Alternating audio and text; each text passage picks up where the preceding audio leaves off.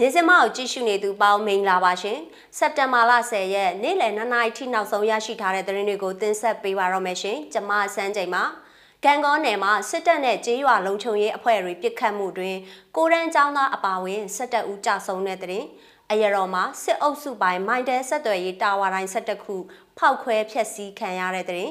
မန္တလေးကတပိတ်အင်အားစုတွေပူးပေါင်းဆန္ဒပြတဲ့မြင်ကွင်းနဲ့အမေရိကန်တရုတ်ပလိပခရှောင်းလွဲနိုင်ရေးအတွက်ဘိုင်ဒန်နဲ့ရှီကျင့်ဖျင်တို့ဖုန်းဆက်ဆွေးနေတဲ့သတင်းတွေကိုတင်ဆက်ပေးချင်ပါတယ်။ကံကောနယ်မှာကြေးရွာလုံခြုံရေးအဖွဲ့တွေနဲ့စစ်ကောင်စီတပ်သားတွေအပြန်အလှန်ပစ်ခတ်မှုတွင်ကိုရန်ចောင်းသားတအူအပါဝင်ဒေသခံ12ဦးကြဆုံးခဲ့တယ်လို့ဒေသခံတွေကပြောပါရယ်။ ဒါအပြင်နေအိမ်အလုံး20ကိုလည်းစစ်ကောင်စီကမိရှို့ခဲ့တယ်လို့ဆိုပါရယ်။မကွေးတိုင်းဒေသကြီးကံကောမြို့နယ်မိုင်40ခန့်အကွာမြင်သားကြီးရွာကိုမနေ့ကမနက်10:00နာရီကစစ်ကောင်စီတပ်သား90ရောက်လာပြီးပစ်ခတ်မှုတွေဖြစ်ခဲ့တာပါ။တေဆုံးသူတွေထဲမှာကိုရန်တက်ဖို့စောင့်နေတဲ့အသက်16နှစ်အရွယ်မောင်ငိမ့်စီသူလည်းပါဝင်ပြီးအများစုက16နှစ်ဝန်းကျင်အရွယ်လူငယ်တွေပါဝင်ပါတယ်။ ကျေးရွာကတက်ကြီးရွယ်အိုတချို့နဲ့နာမကျန်းသူကလေးတငယ်တွေရွာဦးဖုန်ကြီးကျောင်းမှာရှောင်သိမ်းနေချိန်စစ်သားတွေကဖုန်ကြီးကျောင်းဝင်းထဲကိုဝင်လာပြီးဆရာတော်တွေရဲ့ဖုန်းတွေကိုလည်းရိုက်ခွဲခဲ့သေးတယ်လို့ဒေသခံတဦးကပြောပါတယ်။နှမ်းရိတ်သိမ်းချိန်မှာအခုလိုစစ်သားတွေရုတ်တရက်ရောက်လာတာကကျေးရွာမှာဒလန်သတင်းပေးတွေရှိနေတာကြောင့်လို့ဒေသခံတွေကသုံးသပ်ကြပါတယ်ရှင်။ စကိုင်းတိုင်းဒေသကြီးအရတော်မြို့နယ်ကစစ်အုပ်စုပိုင်းမိုင်းတဲတယ်လီဖုန်းဆက်သွယ်ရေးတာဝါတိုင်းဆက်တခုကိုဒေသခံကာကွယ်ရေးတပ်ဖွဲ့တွေကဖောက်ခွဲဖျက်ဆီးခဲ့တယ်လို့အရတော်မြို့နယ်တော်လန်ရေးအင်အားစုတွေကဒီနေ့မှကြေညာလိုက်ပါတယ်။စစ်အာဏာရှင်စန့်ကျင်တော်လှန်ရေးစတင်ပြီလို့အမျိုးသားညီညွတ်ရေးအစိုးရကကြေညာတဲ့နှစ်ရက်အတွင်းအရတော်မြို့နယ်ကစစ်အုပ်စုပိုင်းမိုင်းတဲတာဝါတိုင်း၁၇တိုင်းဖောက်ခွဲဖျက်ဆီးခံလိုက်ရတာဖြစ်ပါတယ်။ အရတော်မြို့နယ်အတွင်းကမိုင်းတဲတာဝါတိုင်းတွေကိုမနေ့ကညပိုင်းမှာဖောက်ခွဲခဲ့ရာမြို့နယ်အတွင်းကမိုင်းတဲတာဝါတိုင်း၄ခုပောက်ကွဲမီးလောင်ခွဲတယ်လို့အရတော် PDF ကဆိုပါတယ်။စက်တင်ဘာလ10ရက်နေ့ကလည်းမိုင်းတဲတာဝါတိုင်း9တိုင်းကိုအရတော်မြို့နယ်ဒေသခံကာကွယ်ရေးတပ်ဖွဲ့ကတိုက်ခိုက်ခဲ့ပါသေးတယ်။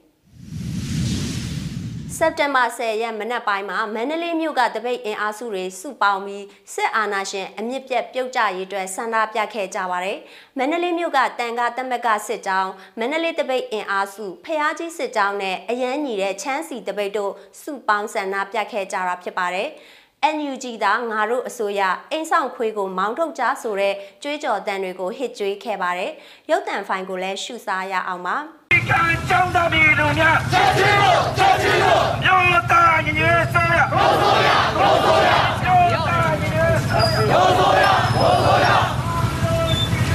ဒီမိုကရေစီဒီလူ့ဘက်ကိုရဲကိုရဲများချက်ချင်းလို့ချက်ချင်းလို့ကံစီကံကြောင်းတော်ပြည်သူများချက်ချင်းလို့ချက်ချင်းလို့မြို့သားညီရဲ့ဆိုရဒိုးဆိုရဒိုးဆိုရမြို့သားညီရဲ့ဆိုရဒိုးဆိုရဒိုးဆိုရဘာလို့ချင်လဲဒီမိုကရေစီဘယ်သူတွက်လဲဒီလူတော့ပဲ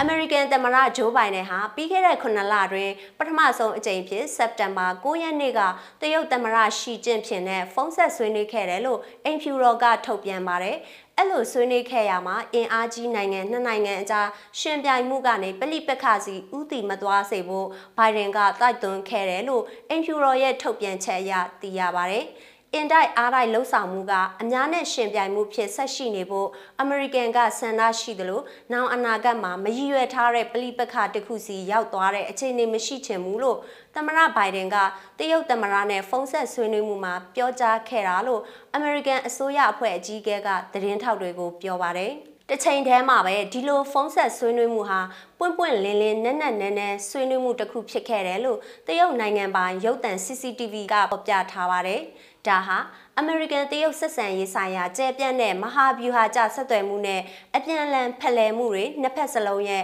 အပြန်အလှန်စိုးရိမ်ပူပန်မှုတွေလွှမ်းခြုံပါဝင်တယ်လို့ဆိုပါတယ်။ ဒါပြင်တရုတ်ပေါ်ထားတဲ့အမေရိကန်ရဲ့မူဝါဒကကြီးလေးတဲ့ခက်ခဲမှုတွေကိုဖြစ်စေခဲ့တယ်လို့သမရရှိကဆွေးနွေးခဲ့တယ်လို့ CCTV ကဖော်ပြထားတာပါ။ပြီးခဲ့တဲ့ဖေဖော်ဝါရီလကအမေရိကန်သမ္မတဘိုင်ဒန်နဲ့အရင်သမ္မတဟောင်းဒေါ်နယ်ထရန့်စီကတာဝန်လွှဲပြောင်းရယူပြီးတဲ့နောက်မှာတရုတ်သမ္မတနဲ့နှစ်နာရီကြာဆွေးနွေးပြောဆိုမှုရှိခဲ့တဲ့နောက်ပိုင်းဒီတစ်ကြိမ်ဟာအမေရိကန်တရုတ်ခေါင်းဆောင်နှစ်ဦးဖုန်းနဲ့ထပ်မံဆွေးနွေးမှုပေါ်ပေါက်ခဲ့တာလည်းဖြစ်ပါတယ်။ ဒီတစ်ကြိမ်ဆွေးနွေးမှုကမိနစ်60မြကြာခဲ့တယ်လို့အမေရိကန်ဘက်ကထုတ်ပြန်ပါတယ်။ပြင်းထန်တဲ့ရှင်ပြိုင်မှုတွေကိုကျွန်တော်တို့ကြိုဆိုပါတယ်။ဒါပေမဲ့ရှင်ပြိုင်မှုကနေပလိပက္ခစီတက်ဆင်းသွားမှာကိုတော့ကျွန်တော်တို့မလိုလားပါဘူးလို့ American ဘက်ကအမိမဖော်လို့သူအရာရှိတဦးကသတင်းထောက်တွေကိုပြောပါတယ်။ အခုဖုန်းခေါ်ဆိုမှုရဲ့ရည်ရွယ်ချက်ကအန်ရဲ့အောက်မကြရောက်စေရန်အကာယံသားစီများထူထောင်တက်မှတ်ဖို့ဖြစ်ပြီးဒါမှသာဆက်ဆံရေးကိုတာဝန်သိစွာစီမံနိုင်မယ်လို့လည်းသူကဆိုပါတယ်။အမေရိကန်ရဲ့လှုပ်ဆောင်ချက်တွေပေါ်တရုတ်ဘက်ကနားလည်မှုလွှဲမှားစေခြင်းမရှိစေဖို့လည်းသူကဆိုပါရရှင်။ မြစ်စမရဲ့စက်တဘာ10ရက်နေ့လယ်2နာရီထိနောက်ဆုံးရရှိထားတဲ့သတင်းတွေကိုတင်ဆက်ပေးခဲ့တာပါကြည့်ရှုအားပေးတဲ့အတွက်ကျေးဇူးထူးတင်ရှိပါတယ်မြန်မာပြည်သူတွေဘေးအန္တရာယ်ပေါင်းကကင်းဝေးကြပါစေရှင်